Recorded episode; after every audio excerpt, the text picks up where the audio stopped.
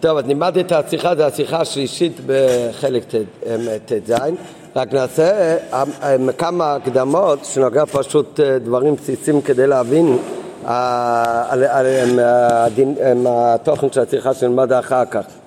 הפרשה שלנו אומרת את הדין של גנב, כמה הוא צריך לשלם, ובזה עצמו יש כמה הבדלים, אם הוא רק גנב או גם שחט או מכר אחר כך במשהו גנב, הדין הוא ככה, כל גנב הוא צריך, אם תופסים אותו, הוא משלם פי שניים, זה נקרא כפל. מה זה נקרא, למה הוא משלם כפל? זה קנס. הרי הוא גנב לשני 100 שקל, כמה עשה לו נזק? 100 שקל. זה כמה צריך להחזיר לו? 100 שקל. כל, הכלל הוא כל דבר שבן אדם משלם מעבר לנזק או פחות מהנזק, זה נחשב לקנס. מה ההגדרה בהלכה קנס? מה זה ממון, מה זה קנס? ממון זה הנזק. אם הסכום הוא לא לפי הנזק, זה יכול להיות יותר, יכול להיות פחות, אז זה נקרא קנס, קונסים אותו. אז הגנב, הנזק הוא משלם זה קרן, אבל הגנב קונסים אותו אז הוא משלם פי שתיים. דרך אגב, תמיד הדין של קנס משלמים אך ורק כשהבן אדם כפר ואחר כך עדים תופסים אותו. כשהבן אדם לבד מודה באשמה, הוא לא משלם קנס, הוא משלם, בן אדם גנב, החליט לחזור בתשובה, הוא מחזיר את החפץ, הוא לא צריך לשלם פי שתיים. גם אם הוא כבר שחט את הדבר, הוא מודה, משלם את הנזק מה שהוא עשה. הוא, כל הדין של, זה נקרא מודה בקנס פטור. קנס משלמים רק אם הבן אדם הוא לא הודה. כן, אפילו אם אתה מגיע אליי ואתה אומר לי למה גנבת לי, לא הודעתי לבד, אלא אתה מגיע אליי אז אני אומר, אתה צודק, אתה צודק, מצטער, גם אז אני משלם רק את הקרן. קנס אני משלם רק כשעדים חייבו אותי. אני לא, אחרי שעדים אומרים אני כבר מודה, אבל מצד עצמי, כשה, כשהבן אדם לבד אתה מגיע אליי, אתה אומר למה גנבת לי את החפץ, אני עדיין יכול להכחיש, אין לך הוכחות. אז כשאני אומר בסדר, אתה צודק, אני משלם הוא משלם רק את הקרן. קנס, כי הוא מודה, כל מודה בקנס הוא פטור. זה כבר פרטים, לא משנה. אה, אה? לא, לא, לא רוצה להיכנס עכשיו לכל דיני, אה, רק הכללים העיקריים. המודה בקנס פטור. כשהבן אדם לא הודה, אחר כך תפסו אותו, מביאים אותו לבייזין, אז הגנב, הקנס שלו, שהוא משלם במקום פעם אחת, זה הקרן, במקום זה הוא משלם כפל. הכפל בן אדם משלם זה הקנס של גנב בכל דבר שהוא גנב, לא משנה אם הוא גנב כסף, אם הוא גנב מטלטלין, חפצים, או שהוא גנב בהימה. תמיד הדין שמשלם כפל.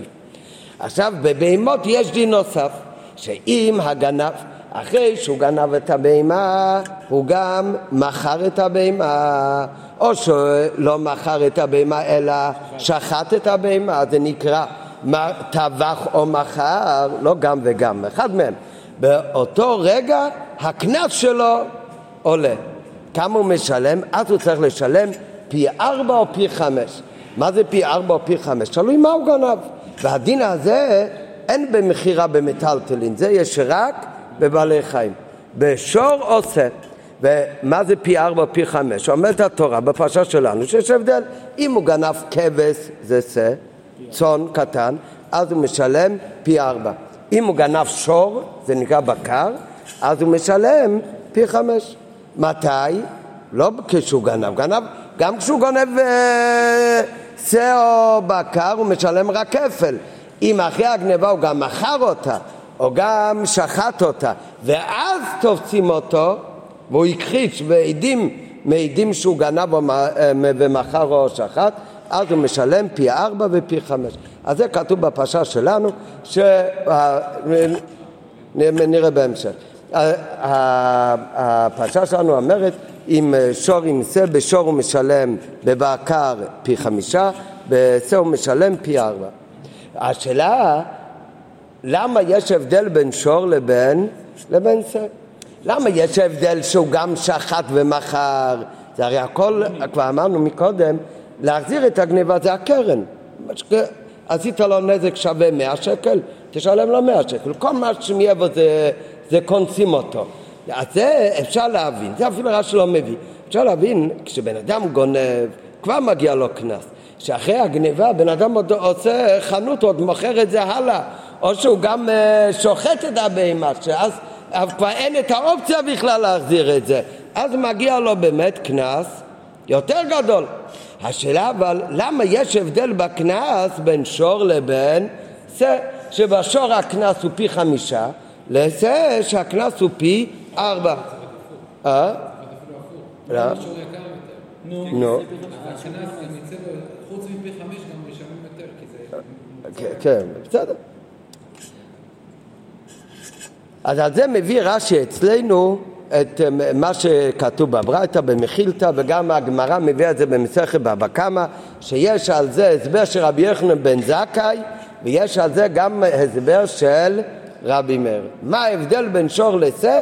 שכאן הקנס הוא פי ארבע וכאן הקנס הוא פי חמישה.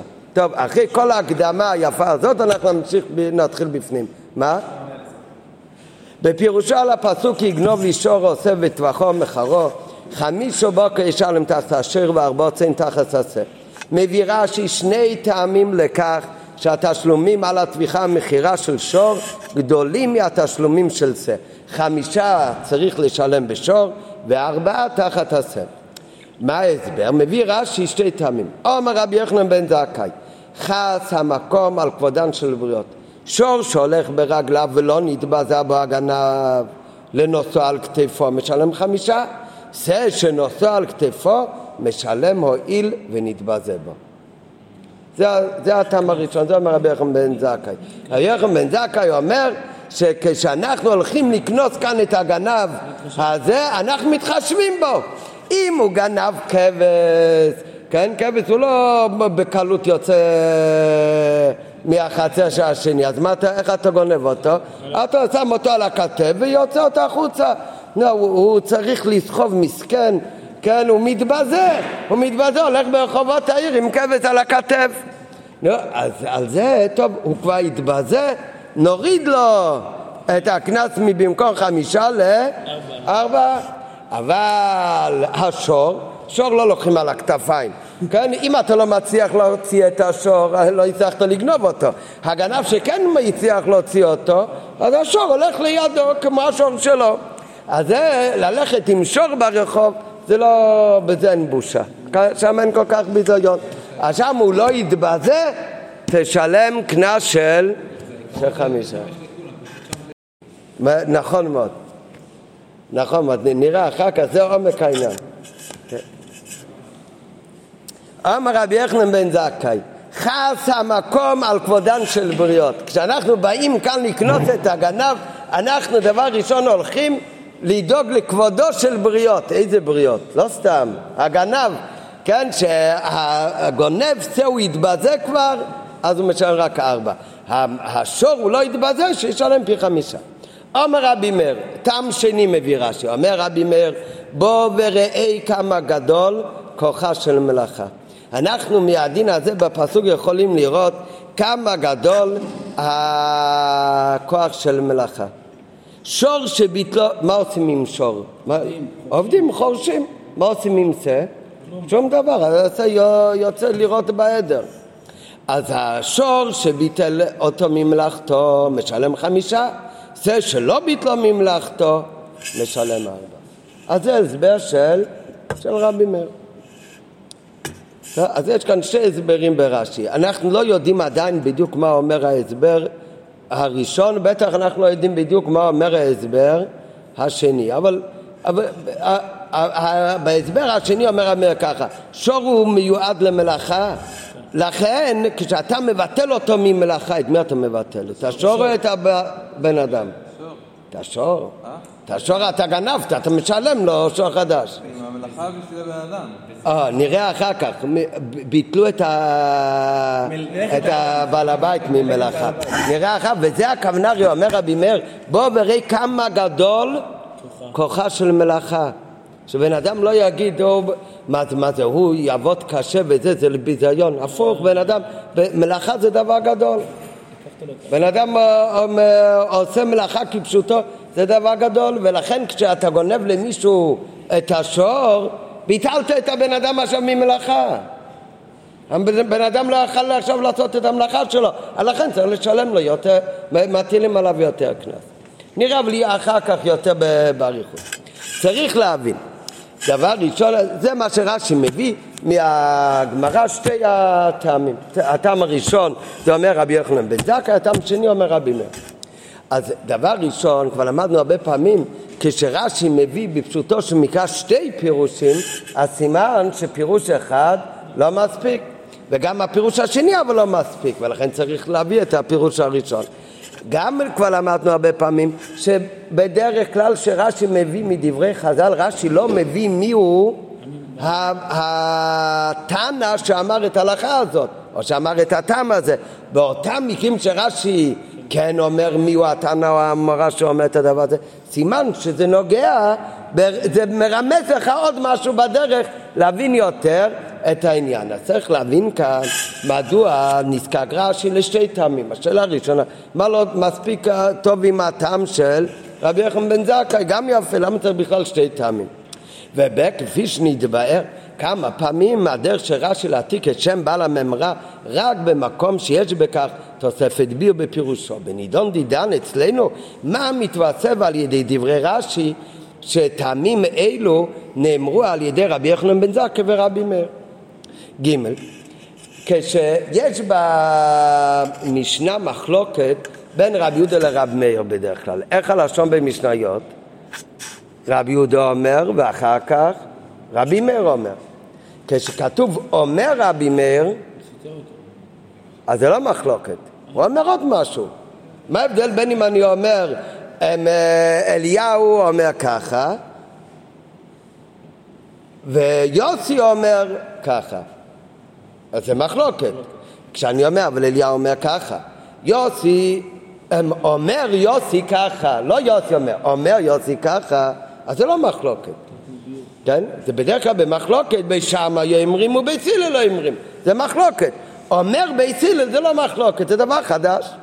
אז גם כאן כשרש"י אומר, רש"י מביא רבי יוחנן בן זכאי, אומר רבי יוחנן בן זכאי, אומר רבי יוחנן בן זכאי, אחר כך ממשיך רש"י בטעם השני, אומר רבי מאיר, לא אומר רבי מאיר אומר. אם הכתוב רבי מאיר אומר זה מחלוקת. אומר רבי מאיר, סימן שזה לא מחלוקת. מלשון רש"י אומר רבי מאיר ולא רבי מאיר אומר, בפרט שזה שרש"י כותב כזה לשון, שזה אף על פי שברוב המקומות שמופיע המחלוקת תנאים הזאת, זה באמת כתוב בצורה שונה, כתוב באמת רבי מאיר אומר. ורש"י דווקא בוחר בגרסה שאומרת, לא רבי מאיר אומר, אלא אומר רבי מאיר.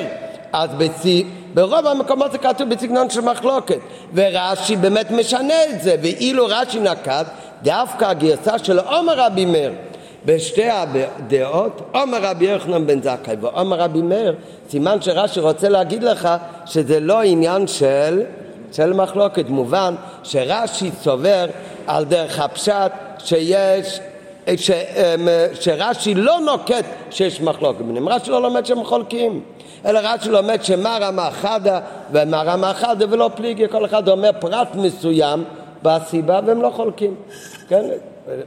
למה הם לא חולקים? הרי אם יש כבר טעם לא צריך את הטעם השני אז נראה אחר כך, מה זאת אומרת? מנו מחודה, מנו מחודה ולא פליגה. והסיבה לקנוס את הגנב יכול להיות שתי הסתכלויות, מצד הגנב או מצד הנגנב, כמו שנראה בהמשך, ולכן רבי מאיר ורבי יחם בן זכאי, כל אחד מדבר על פרט שונה, ולכן הם לא חולקים, צריך באמת את שתי הדברים. זה לא שתי פירושים שונים, זה כל אחד מעביר אה, מצד אחר של המטבע, כמו שנראה בהמשך. ואינו מובן לכאורה כך בהמשך הרבי יסביר את זה, אבל כשאנחנו מסתכלים בהשקפה ראשונה, רבי יוחנן בן זכאי ורמי הם חולקים או לא חולקים? בפשטות בוודאי הם חולקים. כשאתה קורא בפשטות את התמים שלהם, בוודאי יש כאן מחלוקת. המחלוקת הוא יכול להיות אפילו ל... להלכה ברעיון, לא בפועל ממש, נראה בהמשך למה. לפי רבי מאיר, למה באמת את השור קונסים פי חמש ואת העצה פי ארבע? כי השור הוא עולה מלאכה. ואז אם גנבו שור אה, זקן, שכבר בכל מקרה לא עומד למלאכה, לא רק לשחיטה, כן? אז, אה? צריך לשלם פי ארבע. אף על פי שאת השור הוא לא לקח על הכתפיים, הלך איתו בחוט ביד. אז לכאורה שתי התמים הם כן יוצרים מחלוקת. כן? ואינו מובן לכאורה רבי יחם בן זכי ורבי מאיר מחולקים בטעמים שהם שונים זה מזה בתוכנם. זה, זה שונה לגמרי בתוכן הרי. רק מה, הרב אומר רק שלכאורה יוצא מחלוקת בתוכן. בהלכה הרב לא אומר שיוצא מחלוקת, למה? כי בפשטות, גם לפי רבי מאיר, גם אם נגיד שהטעם שלו זה אך ורק, נגיד שהוא חולק בטעם בתוכן, וזה רק בגלל שהוא מבטל מלאכה. אז מה, מישהו באמת חושב שלדעת רבי מאיר, אם זה היה שור אה, זקן שכבר לא עובד, לא, זה גזירת הכתוב. אז, אז הוא לא ישלם חמש. ישלם. עדיין ישלם חמש, כי זה, כמו שאתה אומר, כי התורה אומרת, שור חמש, לא אומרת תבדוק בשור. כמובן, רוב השברים מה עושים איתם עבודה, זה הטעם של רבי מאיר. אז בהערה שמונה, אבל מה שכתוב במשכיל לדוד כאן, שיש נפקא מינה גם לדינה, שיכול להיות שיש מחלוקת ביניהם גם להלכה, בין שתי הטעמים. מה הוא אומר? איפה יכול להיות מחלוקת ל- להלכה? דבר, דוגמה ראשונה, שור שהיה עומד לטביחה דווקא, מה אם שור? אז הוא אומר שזה יהיה מחלוקת, לרבי יחנן בן זכאי הוא עדיין משלם חמישה כי הוא לא יתבזה בגניבה, אבל לרבי מאיר שדהו חלק כביטול מלאכה הוא משלם רק ארבע. אותו דבר יכול להיות נפקא מן הפוך, מה אם יש בן אדם, יש לו כבש, שעם הכבש הזה הוא עושה הופעות, כן, שזה למלאכה. ואותו דבר זה שהיה עושה מלאכה, לרבי יוחנן בן זכאי הוא עדיין משלם רק ארבע, כי הוא יתבזה בשעת הגניבה. הוא יתבזה בגניבה. ולרבי מאיר הוא משלם חמישה. אז הרב אומר, ה... להגיד שיש באמת הבדל הלכה למעשה בין רבי מאיר לרבי בן זכאי, אז זה אינו מוכרח. זה לא רוצה לקבל את הנפקמינה הזה שכתוב במשכיל לדוד. דמובן גם על דרך הפשט זה לא פלוק, יש כלל בהלכה שכשחכמים אמרו, אפילו חכמים אמרו דבר, אז הם לא חילקו בין מקרה למקרה. כל שכן, דבר שכתוב בתורה שהוא צריך לשלם על בקה פי חמש, בוודאי לא הולכים עכשיו לבדוק כל אה, שור ושור לפי עניינו, אלא זה באופן כללי הטעם שאמר רבי מאיר ביטול מלאכה. אותו דבר עשה שהוא משלם בן אבא, זה כל זה משלם ככה. כי לא פלוג, בכלל ביטול מלאכה הוא בשור דווקא ולא בזה. טוב, אז זה בהערה שמע. הרב אומר, למעשה, קשה לומר שבאמת רבי מאיר ורבי יחום בן זכאי, שלפי רבי מאיר, אז יהיה נפקא מיניה מה בן אדם בפועל היה עושה עם השור, או מה בן אדם בפועל היה עושה עם מעשה. לכן זה אולי לא מחלוקת למעשה, אבל לכן בשיחה הוא אומר רק שזה לכאורה יוצא מחלוקת בתוכן של הטעם. לא רק שזה מחלוקת בתוכן של הטעם, אלא יובל אמר מקודם, ההבדל בין רב מאיר לרבי יוחנן זה לא רק שהם נתנו כל אחד טעם אחר, אלא, מה, מה אומר רבי יוחנן בן זכאי? למה על זה הוא משלם רק ארבע? כי כבר היה לו קצת בהיזיון. זאת אומרת, לפי רבי יוחנן בן זכאי, ברעיון, כמה אמורים לקנוס מי ששחט בהמה שהוא גנב? כל בהמה. חמש. חמש. רק מה, אצל אחד הוא כבר התבזה, כבר הורידו לו אחד. לעומת זאת, רבי יחנן בן זכאי, לפי, לעומת זאת לפי רבי מאיר, לפי רבי מאיר, כמה אמור להיות ברעיון מן התורה הקנס על כל מי שגם שחט משהו גנב? ארבע. ארבע מספיק. זה בעצם הקנס. רק מה, בשור הוא עשה ביטל מלאכה, אז זהו, הוסיפו לו עוד אחד. אז יוצא הרי שהשתי טעמים זה לא רק שתי טעמים שונים, הם מחולקים במהות שלהם. לדעת רבי יוחנן בן זכאי יוצא שבכבש בשה הורידו אחד מהתשלומים. לעומת זאת לרבי מאיר לא הורידו בשה, לא בבקר הוסיפו. אז איך אפשר לומר שהם בכלל לא חולקים, רש"י משתמש בלשון עומר רבי יוחנן בן זכאי, עומר רבי מאיר, והלשון עומר רבי יוחנן בן זכאי. עומר רבי מאיר במקום רבי יוחנן בן זכאי אומר, ורבי מאיר אומר, הוא בא להדגיש שהם לא חולקים. לפי הטעם של רבי יתרה מזו, אחרי ההתבוננות ושתי הטעמים, כן, יובל אמר את זה מיד בתחילת השיחה. כבר התבונן. אחרי התבוננות בשתי הטעמים, אז רואים שזה לא רק טעמים שונים, אלא זה גם הופכים. לפי הטעם של רבי יוחנן בן זכאי יוצא שהקנס עבור טבחו מכורו צריך להיות תשלומי חמישו, תמיד, הן עבור השה והן עבור, הן השור והן עבור הבשר. אלא מה? בעשה מפחיתים תשלום אחד, פועיל ונתבע זה בו, אז עושים לו הנחה, מורידים לו. מה שאין כן לדעת רבי מאיר נמצא הפוך, שבעצם הקנס תמיד הוא ארבע. אלא שבשור הוסיפו לו עוד תש, תשלום נוסף בגלל הטעם של ביטלו ממלאכה.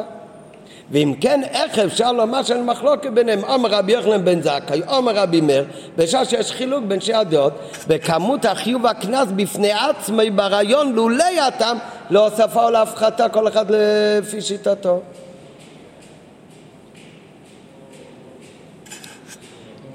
אה?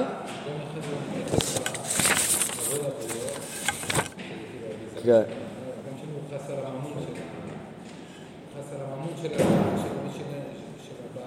אה, בסדר, נראה, נראה, נראה, נראה.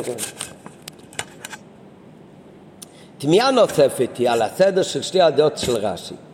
במקומות שהובאו שתי הטעמים של רבי יחנן בן זכי ורבי מאיר, וגם בגמרא בבוא קמא, ברוב המקומות מה כתוב קודם? הטעם של, של רבי מאיר. בוא ראי כמה גדולה כוחה של מלאכה.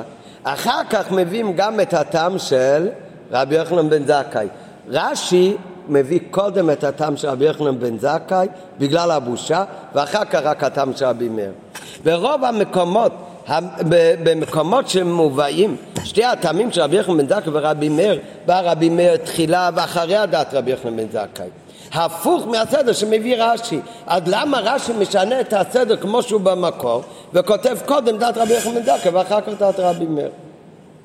כן, זה סך הכל הסדר, אבל מזה שהוא משנה את הסדר, סימן שרש"י רוצה להגיד כאן משהו, שזה קשור דווקא לפירוט של רש"י. לכאורה היה אפשר לתרץ. על יסוד ההסבר האמור לעיל בשתי דעות אלו. לפי רבי יוחנן בן זכאי, הרי מה אמרנו? לפי רבי יוחנן בן זכאי, תמיד מה אמור להיות הקנס? חמישה. רק בזה הורידו בגלל הבושה לארבע. לפי רבי מרתא, כמה אמור להיות תמיד? ארבע, ואחר כך. מה, מה הלשון בפסוק? ואם שור?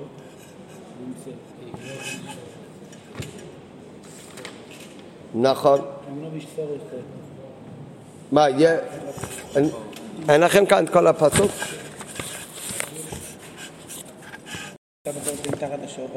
נכון, אז כתוב קודם חמישה בקר ישלם תחת השור ואחר כך וארבע צאן תחת הסט. זאת אומרת, הפסוק קודם אומר את התשלום חמישה, אחר כך שבצא, שזה בשור, ואחר כך בצא ארבע. עכשיו, עם מי זה מסתדר יותר טוב? הרי לפי, עם רש"י,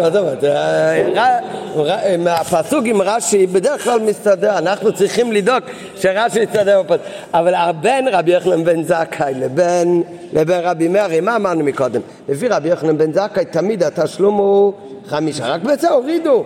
אז זה מתאים, התורה אומרת דבר ראשון, מי שגנב שור עושה בשור צריך לשלם חמש, זה עיקר התשלום. ואם זה אז ארבע, בגלל הבושה הורידו לו אחד.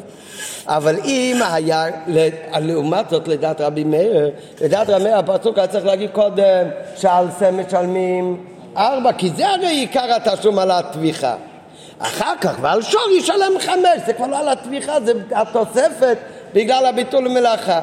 מכיוון שבסדר הפסוקים משמע באמת שעיקר התשלום הוא הפי חמש. לכן אולי רש"י משנה את סדר התנאים כמו שמופיעים בהגמרא ומביא קודם דת רבי יוחנן בן זכאי כדי שזה יותר יסתדר עם סדר הפסוק. לכאורה היה אפשר לתרץ על יסוד ההסבר שאמרנו מקודם בשתי דעות אלו. לפי רבי יוחנן בן זכאי עיקר הקנס הוא חמישה, לפי רבי מאיר עיקר הקנס הוא ארבע.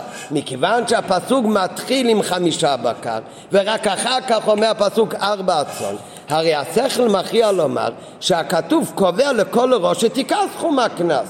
מה עיקר סכום הקנס? חמישו בוקר ישלם, ואחר כך לעניין זה בא הקנס מטעם מסוים מופחת מעיקר הסכום, ולכן נשאר בצאן רק ארבע צאן.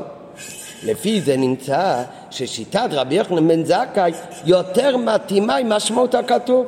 וממילא מובן הטעם שהקדים רש"י, שרש"י הרי עניינו לפרש את פשוטו של מקרא, ולכן רש"י לא צריך להביא את דעות התנאים דווקא לפי הסדר שהם מופיעים בגמרא, כי בגמרא הסדר הוא לא לפי פשוטו של מיקרו דווקא. לעומת זאת רש"י בא להסביר פשוטו של מיקרו, בפשוטו של מיקרו שהפסוק אומר משלמים חמישה בבקר, ואחר כך רק אומר הפסוק ארבע בצאן, סימן שעיקר התשלום הוא החמישו, ובצאן הורידו, ולא שעיקר התשלום הוא ארבע ובבקר הוסיפו. ולכן מכיוון שרש"י מסביר פשוט שמיקרו, מביא קודם דת רבי יחם בן זכאי ורק אחר כך רבי מאיר. אז לכן מביא קודם דת רבי יחם בן זכאי, מקדים אותו לרבי מאיר. אבל צריך להבין, אם זה ההסבר, אז או, אז היה צריך רש"י להביא רק שיטת רבי יחם בן זכאי. אם זה גם מצד לשון הפסוק יותר מתאים, שתמיד הקנס בעצם חייב להיות חמישה, ורק בשה הורידו אותו בגלל הבושה. וכך משמע גם מהפסוק, ולכן הוא מקדים את רבי יחנן בן זכאי, אפילו שבגמרא הוא אחר כך. נו אז אדרבה, אז אם כך שרש"י יביא, רק עומר רבי יחנן בן זכאי, למה הוא בכלל מביא את עומר רבי מאיר? אבל אם כן היה לרש"י להשמיט לגמרי את טעם רבי מאיר, והיה לו להביא רק את הטעם של רבי יחנן בן זכאי. אלא מוכרחים לומר שיש כאן עוד עניין. והביאו בזה, אם נאמר שעיקר תשלום הקנס הוא חמישה, זה, ולכן זה באמת מסתדר יותר עם הפסוק, ולכן הוא מקדים את טעם של רבי יחנן בן זכאי, רק יש בעיה אחת. מה אמרנו? לפי הסברה של רבי מאיר, ברעיון כמה אמור להיות הקנס, מי שלא רק גונב ולא מתבייש, אלא הוא גם שוחט את זה, שהוא, שמגיע לו קנס יותר גדול, או מוכר את זה. לפי רבי מאיר כמה אמור להיות תמיד הקנס? ארבע. רק מה בבקר, שעשית גם ביטול מלאכה, אז הוסיפו לך עוד יותר קודם. לעומת זאת, מה יוצא לפי רבי יוחנן בן זכאי? אמרנו הפוך. כל מי שגונב בעל חי והוא אחר כך אפילו שוחט אותו או מוכר אותו, ברעיון מה אמור להיות הקנס? חמש. אז למה בצאן הוא משלם רק ארבע? אומר רבי יוחנן בן זכאי, בגלל שכבר היה לו בושה. הגנב היה לו כבר בושה, אבל אם באמת הבן אדם שגנבו ממנו, כמה מגיע לו בעצם? חמש. מגיע לו חמש. אבל בגלל שהוא התבייש, ולכן אתה מפסיד אותו עכשיו תשלום אחד. איך זה יכול להיות? וזה קושי שיש רק לפי ההסבר של רבי יוחנן בן זכאי. בהסבר של רבי מאיר אין את זה. בהסבר של רבי מאיר, באמת הנגנב תמיד מקבל מה שמגיע לו. כי מה באמת תמיד מגיע לו? ארבע. פי ארבע.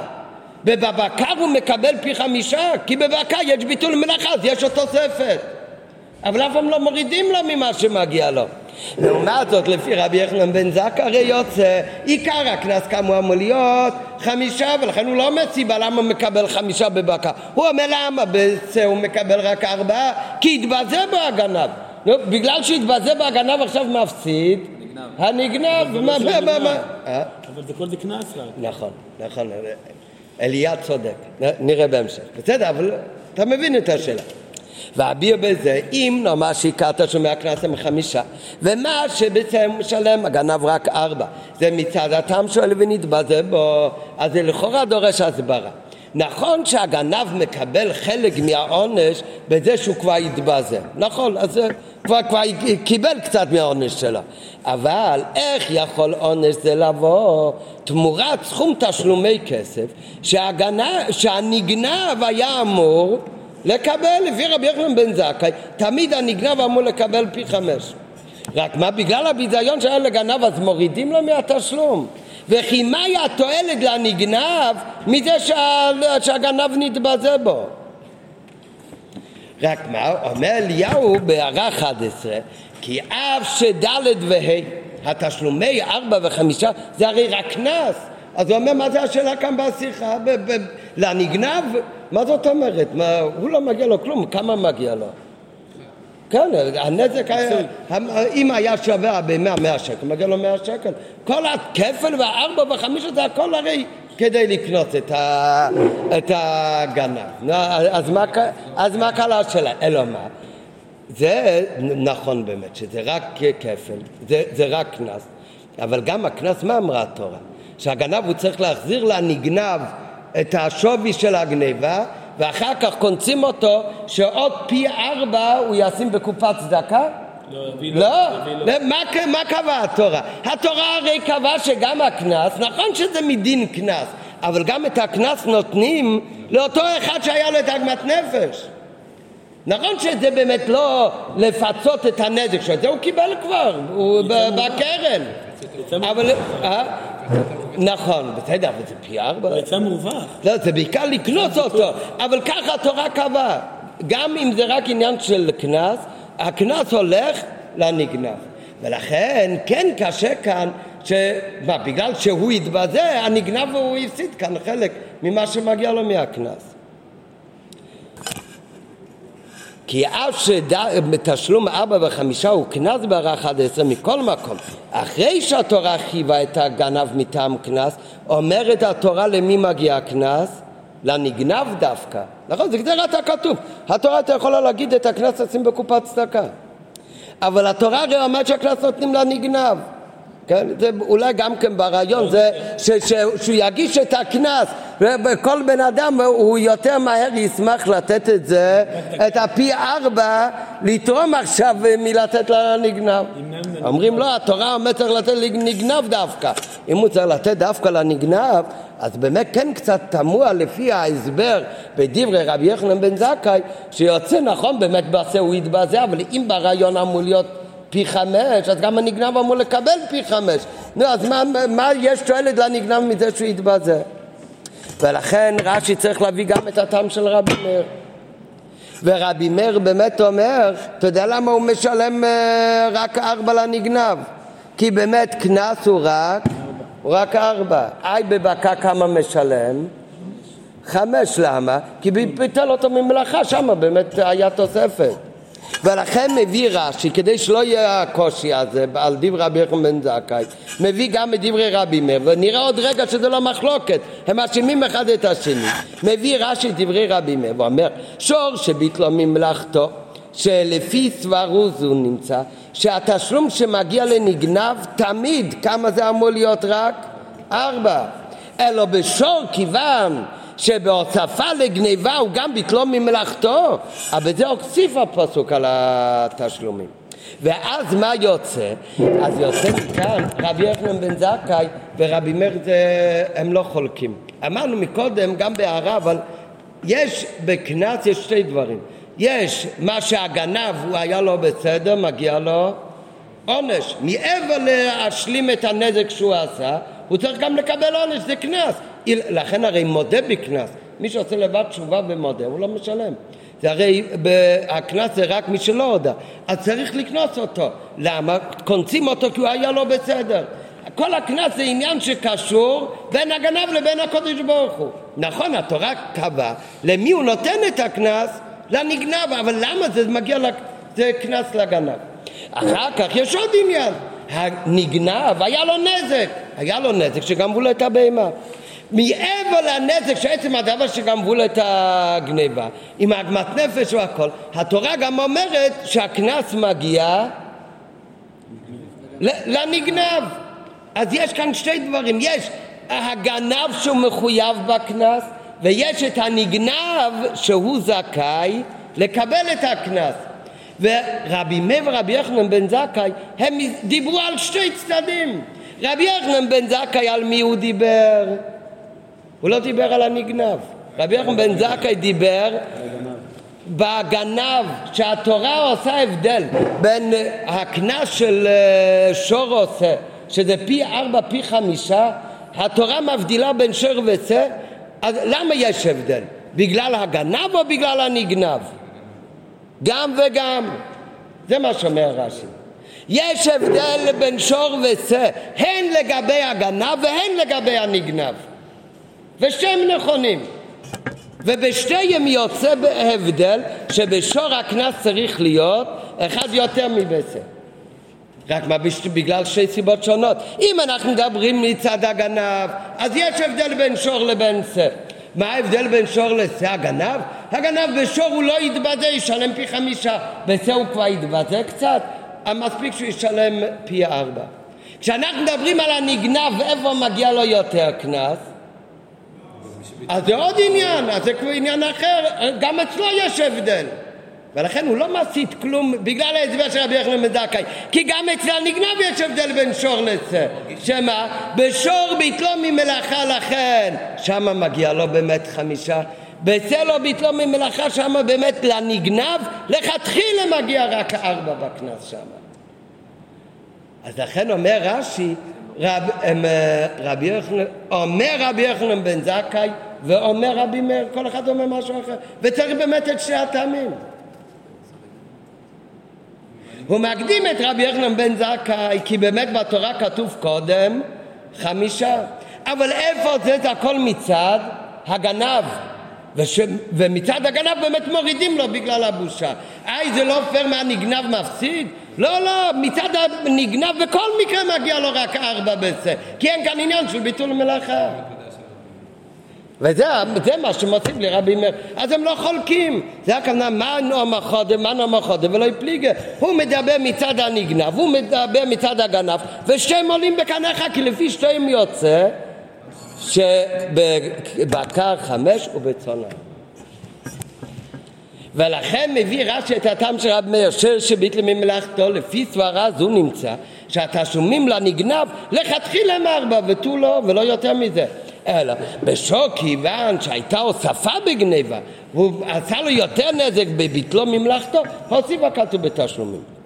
נמצא לפי כל ההסבר הזה שרבי יחנן בן זק ורב מאיר אינם חולקים בכמות עיקר הקנס אלא שדבריהם הם לצדדים. כל אחד מדבר על צד אחר של העניין הדבר תלוי באיזה צד עסקינן. כשאנחנו מדברים על מעשה העוולה של הגנב, כשאנחנו מדברים על הגנב, הגנב, איך אתה מסתכל עליו? כמה מגיע לו? לשלם? כן, על הגנב, על העוול שהוא עשה, תמיד חמש. במילא חובת התשלום שמגיע עליו, הרי הוא שווה תמיד עונש של חמישה. אלא מה? כשאנחנו מדברים על העוולה שהוא עשה, נו, הבשה הוא כבר. התבזה, הולך ברחובות עם כבש על הכתף, אז בסדר, כאן הוא כבר קיבל קצת העונש על העוולה שלו, יורד לארבע, אז מוב... הרי מדברים הכל על הגנב, מצד העוול שלו הוא שווה עונש של חמישה, אז אם כך, לוקחים גם בחשבון את הביזיון שלו, ולכן מפחיתים מהעונש שלו מעיקר הקנס.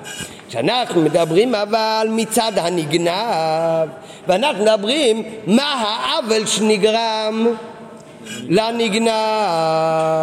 כאן תמיד הקנס הוא ארבע. אם אנחנו מדברים מצד ה... מה נגרם לו, הרי מה באמת נגרם לו? אחד. אחד. לא, גם אגמס נפש, שתיים, כפל, שלוש, אז ארבע מספיק. אלא שבשור יש הפסד נוסף של הנגנב שלוקחים גם אותו בחשבון, למה? כי ביטלו ממלאכתו, לכן הוסיף הכתוב על עיקר הקנס. כלומר רבי יוחנן בן זקה מתייחס לעניין כפי שהוא מצד הגנב, ואילו רבי מאיר מסתכל על העניין איך שזה מצד הנגנב. אבל הם לא חולקים, צריך אותם. גם רבי יוחנן בן זכאי, במידה, הוא דיבר רק על צד הגנב. אבל זה לא שבגלל שהוא מסתכל רק על צד הגנב, הנגנב מפסיד כאן משהו בזה. מה, הוא מפסיד תשלום אחד? לא. כי מצד הנגנב לכתחילה בתשלום מגיע רק ארבע. כי כל מצד הנגנב רק בשור הוסיפו לו תשלום. ואת זה מי גילה לנו? זה אומר רבי מאיר. רבי מאיר מדבר על הנגנב. רבי יחנן מדקה דיבר על הגנב. כן, אז זה גם לא סותר עכשיו מה עיקר תשלום צריך להיות בקנס. מה ברעיון צריך להיות? העיקר זה חמש ומורידים בזה, או העיקר תשלום הוא ארבע ומוסיפים בזה. גם זה שתי הדברים נכונים. מצד הגנב מגיע לך משהו יותר חמש, רק בזה הורידו לך קצת. מצד הנגנב מגיע לך ארבע, בשיר אז מוסיפים לך חמש. טוב, והכל יוצא ממש פאר ואדם. לפי זה, זה רק ההתחלה, כן? לפי זה מבואר יותר הטעם שהקדים רש"י את דעת רבי יחנן בן זכאי לדעת רבי מאיר. כי כך הוא הרי גם סדר תשלומים. כן? זה עכשיו לא רק מצד הסדר בפסוק, שבפסוק כתוב קודם חמישה ואחר כך ארבעה. אלא לפי מה שאמרנו עכשיו, אז מה אמרנו? רבי יחנן בן זכאי על מי הוא מדבר? גנב. מצד הגנב. רבי מאיר מצד הנגנב. נו, כשת... איך זה עובד? בגשמית, איך זה... אה, אה, מה היה הסיפור? לראובן היה פרה, או שהיה לו כבש, הגיע מישהו, גנב אותו, אחר כך תופסים אותו, מחייבים אותו לשלם, ואחר כך הוא צריך להביא את הכסף לנגנב. זאת אומרת, קודם הגנב צריך להוציא את הכסף, ואחר כך להביא אותו לנגנב. קודם יש את הצד של הגנב, ואחר כך יש את הצד של הנגנב. בתחילה מתחייב הגנב בתשלומים משלם, אחר כך מקבל הנגנב ממילא אתה מגיע לו. ולכן פותח רש"י בטעם של רבי יוחנן בן זכאי שעוסק בחיוב תשלומים של הגנב ורק אחר כך מביא את הטעם של רבי מאיר שהוא מדבר על הקבלת התשלומים מצד הנגנב. וזה מיושבת גם משמעות הכתוב שהסברה שעיקר הקנס הוא חמישה מודגש בו יותר. על מי מדבר הפסוק אצלנו? הפסוק אצלנו רוצה לדבר על חומרת העניין של גניבה.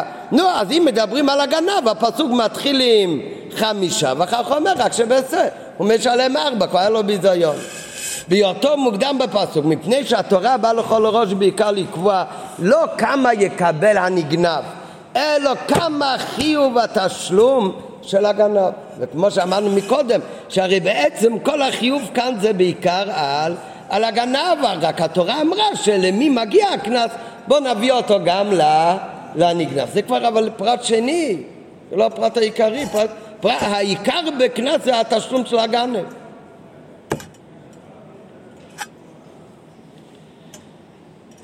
כאן זה ההסבר ב... ברש"י. אז השאלות שהיה לנו בהסבר של רש"י זה עכשיו כבר מתורץ. מה עדיין אבל אמרנו באות הראשונה? השמות שלהם. שכשרש"י אומר, מזכיר את השמות רבי יוחנן בן זכאי ורבי מאיר, אבל זה רש"י רוצה לרמז לנו תוספת ביו בענייננו, וזה שרש"י מביא רבי יוחנן בן זכאי והשם של רבי מאיר, בזה הוא רוצה לתת לי טעם למה באמת רבי יוחנן בן זכאי הוא מסתכל על הגנב, ואז הוא מסתכל גם על הבושה שהיה לו שיורד מהתשלום. ולמה רבי מאיר הוא מדבר על הנגנב, ולכן הוא אומר שביטול מלאכה זה מוסיף את התשלום חמישי בשור. נסבר לעיל שבמקום שרש"י מביא בפירושו גם את השמות של בעל הממרס הרי זה לצורך תוספת ביר בפירוש.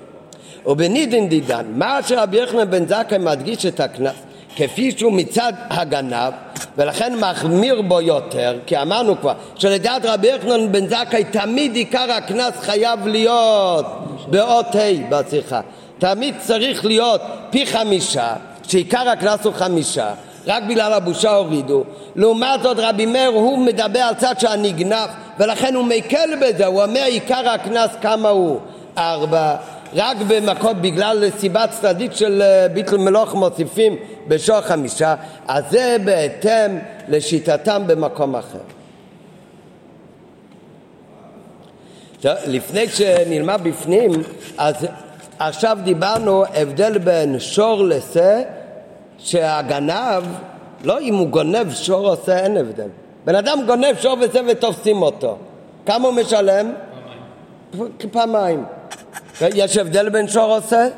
לא. שזה תמוה לכאורה. לפי מי זה תמוה? האמת לפי שתיהם קצת, אבל בעיקר רבי יוחנן בן זכאי. מתי לא היה לו את הבושה? כשהוא מוכר את השה או יש לו את הבושה כשהוא שוחט אותו? כשהוא גונב אותו. למה ההבדל מתחיל במחר וטבח? הכל נראה בהמשך. אבל, אבל זה הדין. הדין הוא שבגניבה אין הבדל. אז אנחנו דיברנו עד עכשיו בשיחה, ההבדל, מה שאומר רבי יוחנן בן זכי רבי מאיר, למה התורה עושה הבדל בין שור ושה לעניין תשלומי ארבעה וחמישה? למה ההבדל הוא באמת רק בטבח ומחר? זה נראה בהמשך השיחה. אבל קודם, יש עוד מחלוקת בין רבי יוחנן בן זכי לבין רבי מאיר. גם בנוגע לגנב. לא הבדל בין שור וצא בשחיטה, אלא בהבדל בין גנב לגזלן. גנב כל דבר אם הוא גונב, אמרנו כמה משלם? כפל. גזלן? קרן. אין דין של כפל. גזלן. מה ההבדל בין גנב לגזלן? גנב מגיע עם כובע גרב באמצע הלילה. ומה זה גזלן? בן אדם מגיע ובריון לוקח לך את התיק והולך. בוא, בוא נראה אותך, תעשה לי משהו. הוא יותר חזק ממך. כן? אתה, יואב אומר, הוא בא עם רובה. עם רובה, אז זה יש לו דין של גנב אולי כבר. מחלוקת, ליסטים מזוין. אבל למ, נראה עוד רגע למה. אבל בפשטות הגזלן זה בן אדם הולך וגוזל ממך בכוח, באור יום, לא מפחד מאף אחד. הגנב הוא מגיע. אז גם על זה יש מחלוקת, גם על זה, לא, גם שם זה לא לשון מחלוקת, נראה. גם שם יש רבי יחם בן זכאי ויש רבי מאיר שאומרים למה, למה בן אדם שהוא גונב שאם תופסים אותו, הכל, כל קנס הוא תמיד רק אם תופסים אותו, כמו שאמרנו. אם תופסים את הגנב הוא משלם פי שתיים, אם תופסים את הגזלן הוא משלם קרן, הוא לא משלם פי שתיים. כן? אין את הדין של uh, כפל. למה באמת? כי בן... מה יותר גרוע? גזלן ולא בפנים. גזלן? אה, בן אדם לא... בשם הוא הפסיד את ה... לא, מצד אחד כאילו... במסכת בו בקאמה. בגמרא זה כתוב ביחד עם, ה... עם, עם, עם, עם ההבדל בין של עשר. במסכת בו בקאמה וכן בתנחום מובא מאמרות הנ"ל של רבי יחנן בן זכאי ושל רבי מאיר בהמשך למאמרות שלהם בנוגע לטעם החילוק בין גנב לגזלן. למה באמת גנב חייב לשלם כפל? במקרה של טבח ומחה זה מה שלומדים עכשיו בשיחה אז יש בזה גם ד' וה' ואילו הגזלן תמיד משלם רק את הקרן, אין דין של כפל ולא ד' חמישון. אז שאלו תלמידיו את רבי יחנן בן זכאי, מפני מה החמירה תורה בגנב יותר מבגזלן? אומר להם רבי יחנן בן זכאי, מה הגנב הוא הרבה יותר גרוע מהגזלן? זה השווה כבוד עבד לכבוד קונו, וזה לא השווה כבוד עבד לכבוד קונו. הג... הגזלן הוא משווה את הכבוד של העבד, של בשר ודם, לכבוד של קונו של הקודש ברוך הוא. הוא מכבד את הבני אדם ואת הקודש ברוך הוא באותו דבר, הגזלן.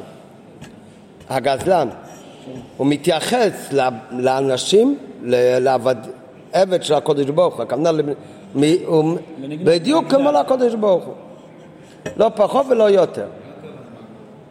לעומת זאת, הגנב לא משווה כבוד עבד לכבוד קונו.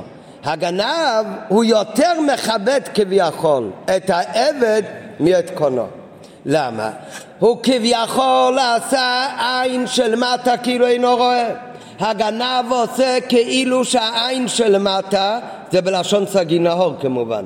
הכוונה עין של מטה זה לא של הבן אדם, הפוך. עין של מטה זה הכוונה של הקודש ברוך הוא, רק לא, זה לשון סגי נהור. אז הוא עושה את העין של מטה, זה הכוונה של מעלה, כאילו אינה רואה.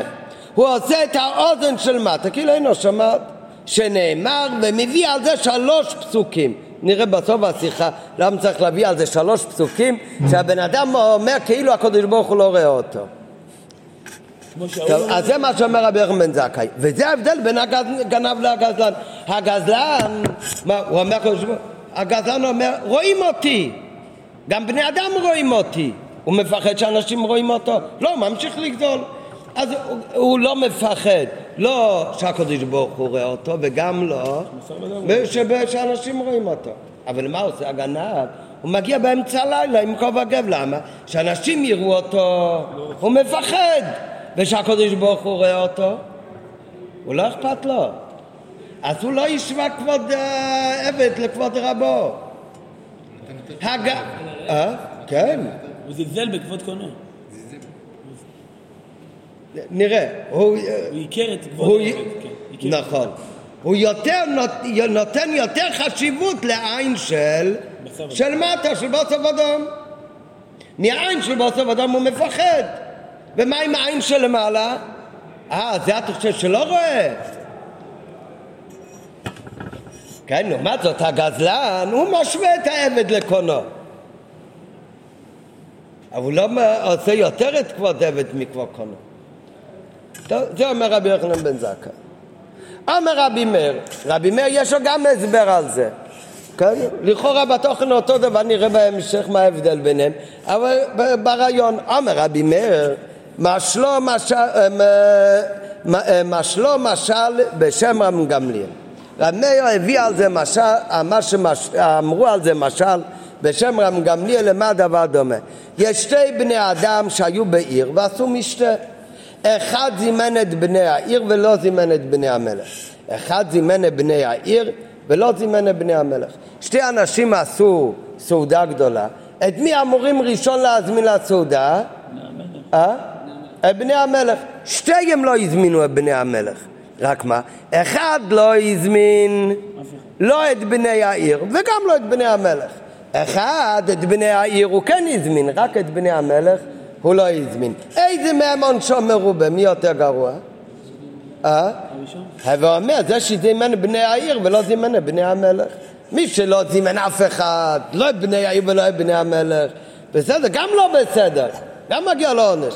אבל לעומת זאת, מי, את כל אנשי העיר שיש לך את העסקים, אתה זכרת להזמין אותו, רק את בני המלך שכחת להזמין, מגיע לו עונש הרבה יותר גדול. למה לא? זה יפה מאוד אם הוא יבדיל ביניהם כשהוא יזמין את בני המלך ולא יזמין את בני העיר. כשהוא מזמין את בני העיר לסעודה, כן, אתה צודק, הגנב הוא גם כן מבדיל, הוא מפחד מהמצלמה שלא יראה אותו גונב, ומהקודש ברוך הוא לא מפחד, הבדלה כזאת היא לא למעליותה. למעליותה זה אם הוא יפחד יותר מהקודש ברוך הוא מבני אדם.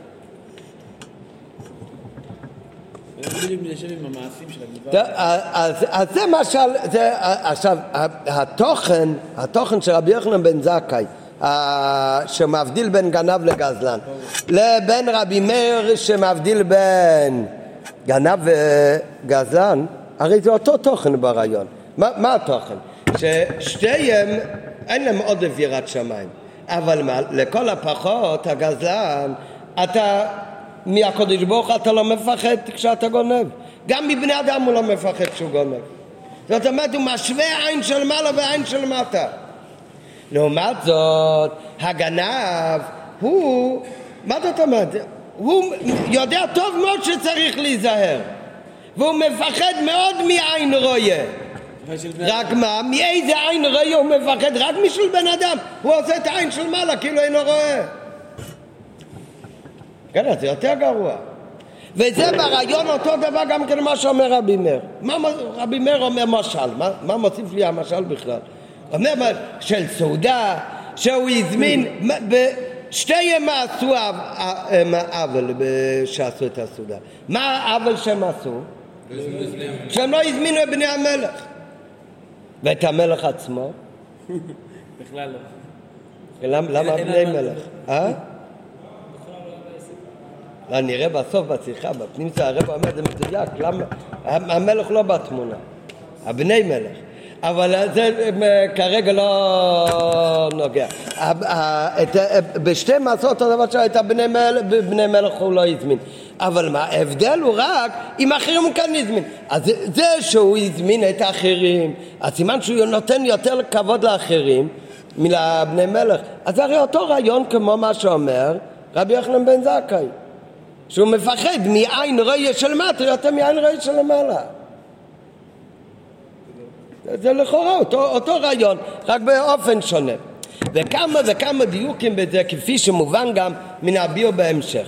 בהמשך אנחנו נראה, שרב, מה אמרנו, מה ההבדל בין רבי מלך לרבי יחנן בן זכאי, כשהם דיברו על ארבו וחמישו, למה משלמים יותר בשור ופחות בצה, שזה לא מחלוקת, אלא מה המחודה ומה המחודה בלי פליגה, שרבי ריחלם בן זכאי מסתכל מצד הגנב ורבי מאיר מסתכל מצד הנגנב. החילוק בין המשל של רבי מאיר לבין האביר של רבי יחנן בן זכאי מובן בפשטות. באופן כללי הם באים להדגיש את אותו דבר שהגנב הוא יותר גרוע בזה שלאנשים הוא כן מתחשב ועם הקדוש ברוך הוא כביכול הוא לא מתחשב.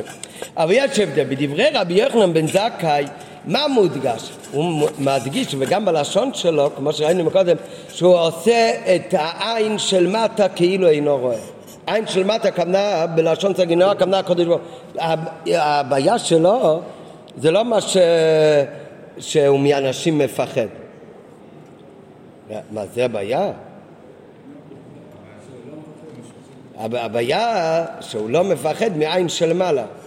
הרבי בן זכאי מדגיש את החיסרון של המורה של הקדוש ברוך הוא מצד הגנב, שהוא מואר ועד כמה זה גרוע, עד, עד, עד כמה גרוע, יש בן אדם אין לו יראת שמיים אז זה כבר זה חיסרון אחד. יש אחד, לא רק שאין לו יראת שמיים, אלא בכזה מצב ירוד, שהחוסר יראת שמיים שלו, עוד יש לו פחות כבוד לקדוש ברוך הוא מלבשר אדם. אז זה עוד יותר מראה על נחיתות דאגתו של הגנב, שהוא מועד ממורו של בן אדם. ולכן העוולה במעשה הוא בא לידי ביטוי כבסיום דיבר רבי יוחנן בן זכי בכך שכביכול עשה עין של מטה כאילו אינו רואה. אבל רבי מאיר, מה רבי מאיר, מה הדגשה כאן? שהגנב בזה שהוא עושה את מצב בסתר, הוא מראה יותר כבוד לנגנב מאשר כביכול לקודש ברוך הוא.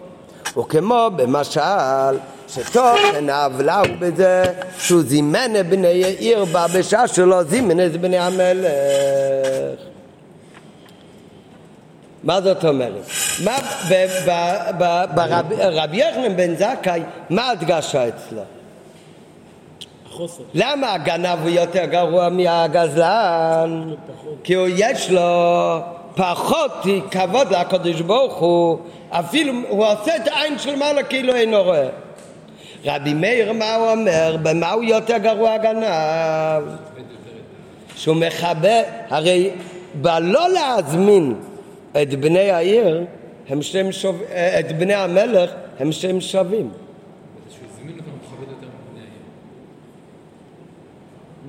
נותן יותר כבוד לעין, לראייה של בשר ודם. לראייה של האנשים. לא, לא, לא. הוא יותר כיבד את הבשר ודם. מי זה שהקדוש ברוך הוא אותו? לא אכפת. הוא מראה יותר כבוד למי? מי זה בנמשל? האנשים. בנמשל, בנמשל, מי זה כאן בני העיר? הנגנב. הנגנב שיכול להיות... בנמשל, מי זה בני העיר שהזמין לסעודה? הנגנב. זה הנגנב.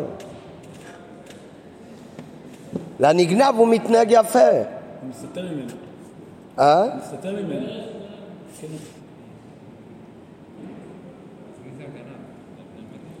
מה? הגנב זה המזמין לסעודה. הגנב זה המזמין לסעודה. כן. הגנב זה... נראה בפנים. אבל לפי דברי רבי מאיר ההדגשה היא על זה שהגנב בזה שעושה מעשיו בסתר הוא מראה יותר כבוד לנגנב מאשר כביכול הקודש ברוך הוא. וכמו שבמשל שתוכן העוולה הוא בזה שזימן את בני העיר בא בשעה שלא זימן את בני המלך. וגם כאן, אז זה אותו נקודה, רבי יוחנן בן זקי ורבי מאיר הם לא חולקים. כמו שגם כאן מוכרח מהלשון, גם כאן לא כתוב רבי מאיר אומר ורבי יוחנן בן זכאי אומר, אלא גם כאן אומר רבי מאיר ולא רבי מאיר אומר, אלא שכל אחד מהם עומד על נקודה אחרת בסברה של העניין. רבי יוחנן בן זכאי הוא בא לתאר בעיקר את העוולה של מצד הגנב, כמו שאמרנו מקודם לעניין ד' וחמישו. ודבריו לא ישמע כבוד עבד לכבוד קונו, אשר העבד, מי זה העבד כאן? מי זה בנמשל העבד? הנגנב. העבד הנגנב והגזלן. הגזלן הוא, הוא משווה בין בין העבד לקונו. ומשם לא מפחד אותו דבר, ומשם מפחד אותו דבר. כן, לעומת זאת הגנב, הוא מבדיל ביניהם. אז זה הקדמה כדי להוכיח שהגנב, כמה שהוא כופר בהשגחת השם. הוא עשה את העין של מטה כאילו אינו רואה. לעומת זאת הגזלן, מה, הגזלן הוא לא כופר בהשגחת הבורא? לא, לאו דווקא. למה? הגזלן, אולי הוא מאמין שהקדוש ברוך הוא רואה, אבל הוא עדיין גונב, הוא הרי גם יודע שהחבר רואה והוא עדיין גונב. זה הבדל. הוא לא עושה את העין של מעלה כאילו אינו רואה. הגנב, הרי מי שרואה, אם רואים אותו, הוא גונב או לא גונב? הגנב כשרואים אותו הוא לא גונב. רק, רואים, רק כשלא רואים אותו. נו, אבל אז רואים אותו אתה כן גונב? אז מה, עם הקודש ברוך הוא? אז הוא עושה את העין של מעלה כאילו אינו רואה. הוא כופר בהשגחה של הקודש ברוך הוא. הגזלן זה לא ככה. הגזלן אומרים לו רואים אותך. נו, מה הוא אומר? אני צריך כסף. יש לו יצע אורי, אז הוא גונב, גם אם רואים אותו. הוא לא אומר שהקודש ברוך הוא לא רואה אותו. אה? לא, אבל השאלה מצד הבן אדם.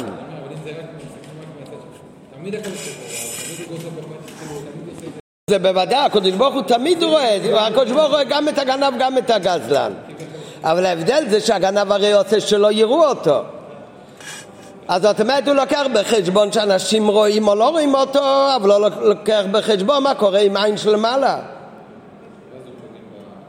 אז לכן, אז זה מראה שהגנב הוא באמת במצב, העבירה שלו, העוולה שלו היא באמת יותר גדול משל הגזלן בעניין הזה. כמובן בעניין החיסרון שהוא גורם לו, בזה שהוא גנב לו את המאה שקל אין הבדל ביניהם. לכן בוודאי, תרקם כולם צריכים לשלם. אנחנו הרי מדברים על קנס. למה התורה כנסה את הגנב יותר מאת הגזלן? לא, אז רבי, רבי יחמן בן זכאי הוא מדבר מצד הגנב, לא מצד הנגנב. מצד הגנב, אז מה הוא בא להדגיש? הוא בא להדגיש שאצלו העוול הוא יותר גדול כי הוא עושה את העין של מעלה כאילו אינו רואה. הגזען הוא לא מבטא בגלוי את העניין הזה, אני לא מאמין שהקדוש ברוך הוא רואה אותי. אבל הגזלן הוא גונב גם כשרואים אותו. זה, זה, זה הנקודה שמדגיש רבי יחנן בן זכאי. מה מדגיש ר, רבי מאיר? רבי מאיר לעומת זאת, ואילו רבי מאיר, הוא לוקח בחשבון גם את הצד הנגנב. מצד הנגנב, איפה יותר כיבד את הנגנב? ומזה במסקנה שהגנב, גם בזהו, גם המסקנה של רבי מאיר צריך להיות שהגנב הוא יותר גרוע. אבל מצד מה הוא צריך להיות יותר גרוע? רבי מאיר לא רק הוא צריך להיות יותר גרוע מצד החוסר ירא שמיים שלו, אלא הוא יותר גרוע גם מצד היחס לנגנב, כי הוא מסתכל גם על הנגנב. אז הוא אומר רבי, רבי מאיר, אני אביא לך משל. אותו אחד שלא מזמין את בני המלך לסעודה, אבל כן מזמין אנשים האחרים לסעודה, אז הוא יותר גרוע, למה? כי הוא נותן כבוד למישהו אחר. אז אותו דבר, מי זה כאן הבני העיר כאן הזמין? הנגנב. את הנגנב. ואיפה הוא כיבד את הנגנב? תסתתר ממנו. שהוא בא בלילה. איפה הוא מכבד את הנגנב? הגנב או הגזלן? הגנב. ולכן זה יותר גרוע. כן, הגנב יש לו כפל. לא כמו הגזלן. הגזלן לא, הגזלן לא כיבד את הקודש ברוך אבל הוא גם לא כיבד את הנגנב. הוא הולך מול הפנים שלו ותופס לו את התיק. אז הוא לא כיבד אותו, הוא לא כיבד את אף אחד. צדיק הוא לא. אבל, כן, אבל אה, רבי מאיר אומר, כשאנחנו בודקים את העוול של הגנב, אנחנו לוקחים בחשבון, מסתכלים גם איך זה מצד הנגנב. ומזה באה המסקנה שהגנב חולה אה, כבוד לנגנב, כבוד שאינו מראה אפילו את הכבוד הזה כלפי הקודש ברוך הוא. והרי זה בהתאם לעניינו שרבי יחנן בן זכאי מדגיש את העניין כפי שהוא מצד הגנב ורבי מאיר מדגיש את העניין איכשהו מצד הנגנב.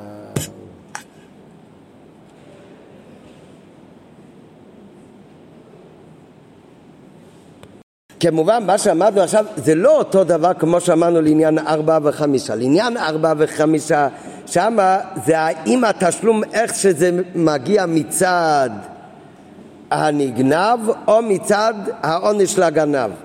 כאן, באות המה שהרב אומר, זה לא ממש אותו דבר. כאן זה הכל אנחנו מדברים על העוול של, של הגנב רק.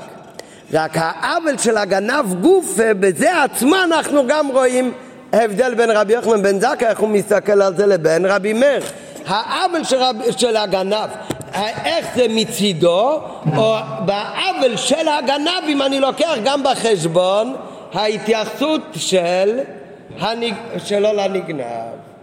אז גם כאן אנחנו רואים שרבי יוחנן בן זכאי בעיקר שם את הדגש על העוול של הגנב מצד עצמו, בלי קשר לנגנב. ולכן הוא לא דיבר על זימן אורחים או לא זימן אורחים. הוא רק מדגיש ש... שלא מזמינים את בני המלך. למה? כי רבי יוחנן בן זכאי, מה הוא מדגיש? שהוא עושה את עינו שלמעלה כאילו אינו רואה. זה עיקר הנקודה. רבי מאיר, כשהוא רוצה להדגיש, עוד פעם, כאן גם לפי רבי מאיר, זה לא למה לנגנב מגיע, זה, זה העוול של הגנב. אבל בעוול של הגנב רבי מאיר הוא מכניס את, את הדגש של הנגנב, את הכבוד שהוא נותן לנגנב ובזה מתבטא עיקר העוול שלו עוד יותר, של הנגנב הוא נותן כבוד יותר מלקודש ברוך הוא.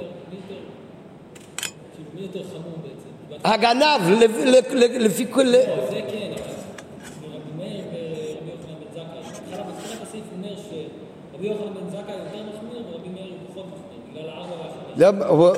זה לא יותר מחמיר פחות מחמיר, אומר רבי יוחנן בן זכאי הוא בעיקר מסתכל על העוול שלו כלפי שמיא. הוא לא, רבי יוחנן בן הוא לא מכניס, על מה אתה מדבר? על הארבע וחמישה? אה, לא, לא, לא, לא, זה, זה, זה תוצאה שלפי רבי יוחנן בן זכאי הוא תמיד בעצם אמור לשלם חמש והורידו בגלל, זה עניין אחר. זה, זה כבר תוצאה. מה שהוא רוצה להגיד כאן באות ה' זה רק שהשתי נקודות האלה שאמרנו, שהוא מדבר מצד הגנב, הוא מדבר מצד הנגנב, את אותו הבדל רואים גם כן בשתי טעמים שאומר הסברים שנותן רבי מאיר ורבי יוחנן בן זכאי, למה באמת הגנב משלם יותר קנס מגזלן, שגם כאן יש את אותו נקודה, האם בעיקר מסתכלים על הגנב או על הנגנב. נראה עכשיו באות ו', חילוק זה בין רבי יוחנן בן זכאי לרבי מאיר. בהסבר של הטעם שהחמיר התורה בגנב יותר מבגזלן מבאר לא רק מה שדברי רבי יוחנן בן זכאי עוסקים בגנב ודברי רבי מאיר בנגנב. כמו שאמרנו רבי יוחנן בן זכאי מדגיש את זה שהוא עושה שהקדוש ברוך הוא לא רואה ולעומת זאת רבי, רבי מאיר מדגיש את זה שהוא עושה שאחרים כן רואים אותו ומכבד את האחרים אלא זה גם טעם בחילוק בין גנב לנגנב בחיוב עיקר הקנס של ארבעה או חמישה.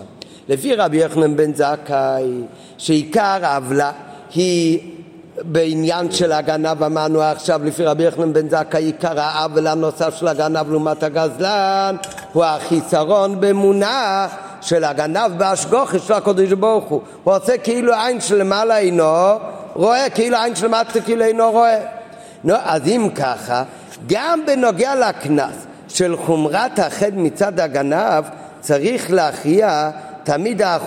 ולכן הקנס לדעת רבי יוחנן בן זכאי הוא תמיד יותר חמישה, אז למה בעצם משלמים רק ארבע? בגלל שהתבזר, אז הורידו לו. לשיטת רבי מאיר אבל, מה עיקר העוול של הגנב יותר מבגזלן? הכבוד שלו. זה הכבוד שהוא נותן לנגנב. לא, זה שהוא מתייחס יפה לנגנב, זה סיבה, זה סיבה לתת לו יותר אה, פעמים לשלם או פחות לשלם? פחות. אתה נותן לו כבוד. ולכן לפי רבי מאיר אמרנו מקודם, כמה יוצא באמת התשלום הוא צריך להיות מעיקר הדין בטבח ומחר? ארבע. רק בשור, מכיוון שביטלו ממלכתו, הוסיפו לו לחמש. למה זה שהוא נותן לו כבוד? כי כשאתה מסתכל כלפי השני, מה זאת אומרת? לא, לעניין הזה נותנים לו, עדיין הוא משלם יותר מהגזלן.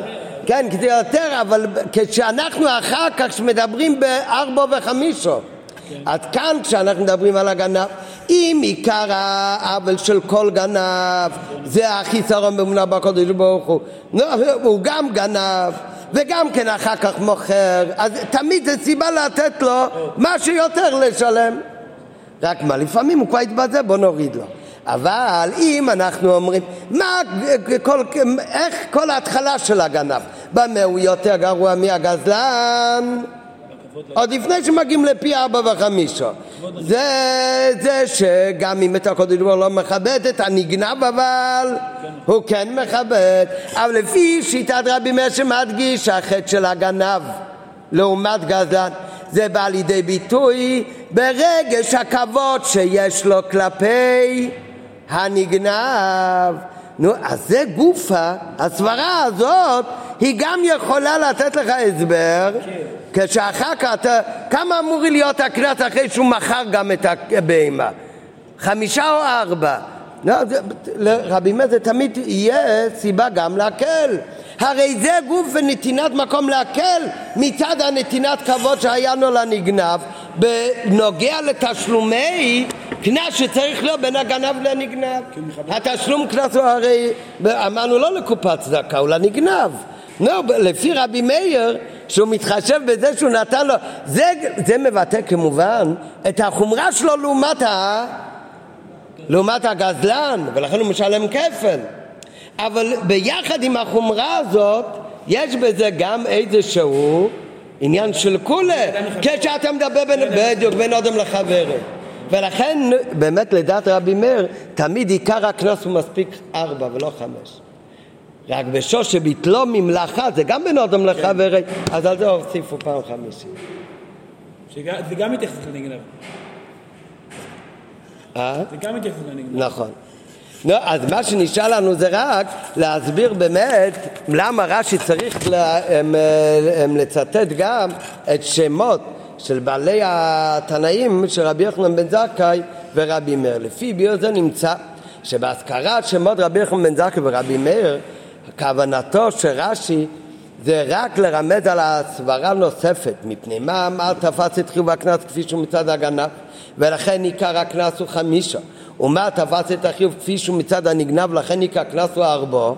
זאת אומרת, לפי מה שלמדנו עכשיו, אז יש לנו כבר הסבר אחד למה באמת רש"י מביא כאן את התמים רבי יוחנן בן זכא ואת השמות רבי יוחנן בן זכא רבי מאיר וזה רש"י רוצה לרמז לך תפתח את הגמרא בבוא בכמה תראה שיש עוד מחלוקת ברבי יוחנן זכא ורבי מאיר ואז תבין גם למה כאן רבי יוחנן זכא אמר את הטעם הזה ורבי מאיר את הטעם הזה למה כי כאן מה ההבדל ביניהם שהוא הולך לפי הנגנב ולפי הגנב אז אומר רש"י, זה הולך רבי יוחנן בן דקה ורבי מאיר לשיטתו בעוד מקום.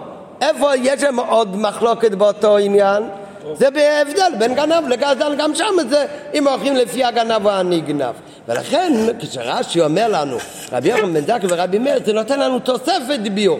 זה לא סתם שכל אחד דיבר על חצי אחד, אלא זה, בזה אני רואה רבי יוחנן בן זכי ורבי מאיר לשיטתו בעניין. אבל האמת שהרבה יותר מתוק להגיד שבזה שרש"י אומר לנו את השמות רבי מאיר ורבי יוחנן בן זכאי הוא לא רק בא לרמז שיש עוד מחלוקת של רבי יוחנן בן זכאי ורבי מאיר עם אותו, עם אותו דרך אה, מחשבה. אלא צריך לומר שיהיה יותר נעים להגיד שיש לנו איזו שיטה כללית ברבי יוחנן בן זכאי בדרך הנהגה שלו שזה מה שגרם לרבי יוחנן בן זכאי באמת להסתכל על הצד של הגנב, או, או להגיד את ההסבר שלו שהורידו אחד מפני כבוד הבריות. ומה שאומר הוא אומר רבי מאיר, הוא בא לרמז בזה עניין שקשור לשיטתו בעניין אחר לגמרי של רבי מאיר, ולכן רבי מאיר אומר כאן את השיטה שלו מצד הנגנב. אבל, כן. זה לא רק שזה בא להגיד כאילו לשיטתם שרבי מאיר ורבי יוחנן בדק מזכיר את השמות שלהם כי זה לא רק במחלוקת כאן כי הם הולכים כאן לפי שיטתם בתחילת העניין של גנב עוד לפני ארבע וחמישו בכפל של הגנב כבר יש לנו את המחלוקת בין רב... לא מחלוקת השתי צדדים של רבי יוחנן בן דקה ורבי מאיר בצד של הגנב או צד הנגנב אבל יומתג יותר לפרש שהכוונה של רש"י בזה שהוא מעתיק את השמות בפירושו, זה להוסיף ביור גם בעצם הסברה של כל אחד מהם. היינו, שדעת רבי יוחנן בן זכאי, שמעת הכתוב בתשלומי העשה מצד התם, הואיל ונתבזה בו. שיטת רבי מאיר הטעם שלו זה מצד ביטלו ממלאכתו, הוסיף הכתוב בתשלומי השור, הרי הן תלויות בשיטותיהם במקום אחר. טוב, אבל זה כבר, בעזרת השם אה, נלמד אה, מחר, זה כבר עניין חדש, אבל עד כאן זה חלק אחד מהשיחה. שהחלק הראשון בשיחה של רבי יחנן בן זקי ורבי מאיר לא חולקים, ולעניין ארבע וחמישה באמת רש"י חייב להביא את שתי הטעמים. כי הטעם העיקרי, מה מתחילים, עיקר התשלום הוא חמישה, כך כתוב בתורה, התורה מתחילה בחמישה. ולמה זה חמישה, עיקר התשלום חמישה זה מצד הגנב, וזה מה שאומר רבי יוחנן בן זכאי, הגנב הוא רשע והוא עושה בפרט, צריך להחמיר עליו, כמו שרבי יוחנן בן זכאי אומר גם לעניין גנב בכלל, הוא עושה עינו של מעלה כאילו אינו רואה, ולכן הוא צריך לשלם חמש. אה, יעשה יורד לארבע? זה עניין צדדי, הורידו לו מהקנס, למה? כי הוא כבר התבזה, זה שיטת ר... רבי ירמן. רק מה, זה עצמו לא מספיק, אי אפשר להביא רק את זה, למה? כי נכון, הוא מורידים לו תשלום אחד בגלל הביזיון, אבל, מה, מה, אבל הנגנב הוא הרי הפסיד. לכן צריך להוסיף, מצד הנגנב, לא, מצד הנגנב לכתחילה התשלום הוא רק ארבע פעמים. למה באמת? כי מצד התשלום, מצד הנגנב שם הפוך, התשלום הוא תמיד רק ארבע. ומצד הנגנב, כמו שרבי מאיר אומר, הפוך, הנגנב הוא הרי קיבל כבוד של הגנב, הוא מתחשב בו. עוד מתחשב בו יותר מכלפי שמיא. אז נכון, כלפי שמיים זה יותר גרוע, אבל לעומת הנגנב, נו, אז הוא כבר קצת כיבד אותו, לכן עיקר התשלום זה תמיד ארבע. איי, למה בשור יש חמישה? בשור יש חמישה, זה מצד שביטלו ממלאכתו. ובזה רבי יוחנן, זה שתי צדדים, וצריך את שני הצדדים, איך זה מצד הגנב ואיך זה מצד הנגנב, וכל אחד אומר חצי, רבי יוחנן בן זכאי מדבר על הצד של הגנב, ורבי מאיר מדבר על הצד של הנגנב, ואחד משלים את השני, מה המחודה, מה המחודה ולי פליגה, וזה אומר רש"י את השמות שלהם כדי שת... תחבר את שתי המחלוקות בין רבי יוחנן, לא שתי מחלוקות, את שתי המקומות שרבי יוחנן בן זכאי ורבי מאיר אומרים את הדברים שלהם. בעניין ארבו וחמישו אצלנו וזה בא בהמשך ולשיטתם רבי יוחנן בן זכאי ורבי מאיר לעניין מה בכלל הנקודה של גנב, במה הוא שונה מהגזלן, שגם בזה רבי יוחנן בן זכאי אומר את צד של הגנב, וזה חמור יותר, הוא עושה עין שלמה כאילו אינו רואה. ורבי יוחנן לעומת זאת לפי רבי מאיר הוא מדבר על הצד של הנגנב. רק שמה בגנב הוא את זה לעניין של חומרה. מגיע לו עונש יותר מהגזלן כי הוא עוד מכבד את הגנב את הנגנב. את הקודש ברוך הוא אתה לא מכבד, אבל את הנגנב אתה כן מכבד. אבל אחר כך כשנתרגם את הסברה הזאת בעניין ארבו וחמישו, אז זה עכשיו מאוד מובן שלדע...